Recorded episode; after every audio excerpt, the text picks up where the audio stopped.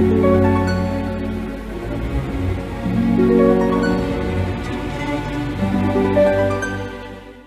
Capricorn, saya dengan Madam Aza. Kita bacakan sekarang kartu tarotnya. Yang pertama adalah karir, bisnis, dan juga peruntungan Capricorn. Kartu yang keluar adalah Wheel of Fortune. Akan terjadi perubahan yang mungkin nggak selamanya kamu suka ya. Mungkin awalnya kamu lagi ngejar sesuatu, tiba-tiba harus ngepot dan ngejar suatu hal yang berbeda. Ataupun situasinya berubah gitu ya.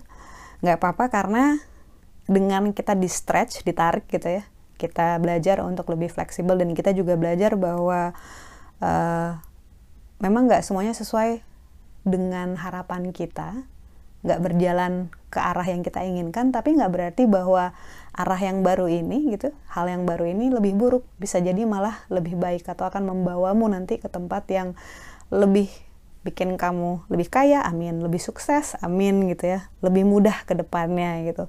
Karena itu kalau misalnya ngelewatin masa-masa yang sulit ataupun ada hal-hal yang bikin kamu harus ngepot atau lembur gitu ya, uh, kita berusaha untuk diterima dengan legowo, dengan ikhlas. Karena it's part of your journey gitu. Sekarang triknya gimana caranya bikin perjalanannya lebih menyenangkan.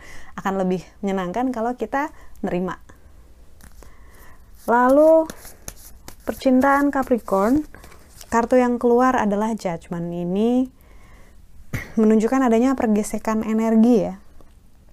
Unsurnya panas, matahari, gunung berapi, ular api dan juga lahar yang keluar di kartu ini. Tandanya ada ada pergesekan energi bisa jadi ada situasi yang tidak menyenangkan antara kamu dengan pasangan, calon pasangan ataupun dengan lingkungannya dia atau lingkungan kamu karena berhubungan dengan percintaan gitu. Apa pun itu, sebenarnya konflik pergesekan energi ini nggak selalu berarti buruk gitu. Pada saat kita bisa memanage, mengontrol ego kita, kita bisa berlatih bagaimana cara melewati konflik atau menghadapi konflik dengan baik gitu. Nggak semua konflik itu harus membakar kita atau merugikan kita, bisa saja mengajarkan kita tentang kedewasaan gitu. Orang yang selalu menghindari konflik gitu, nggak akan bisa bertumbuh dewasa karena kita kan ditempa dari masa-masa susah. Lalu kartu nasihat yang diberikan untuk Capricorn adalah High Priestess. Ini kayaknya sedang merasa lelah ataupun lemah atau nggak tahu mau ngapain lagi gitu ya.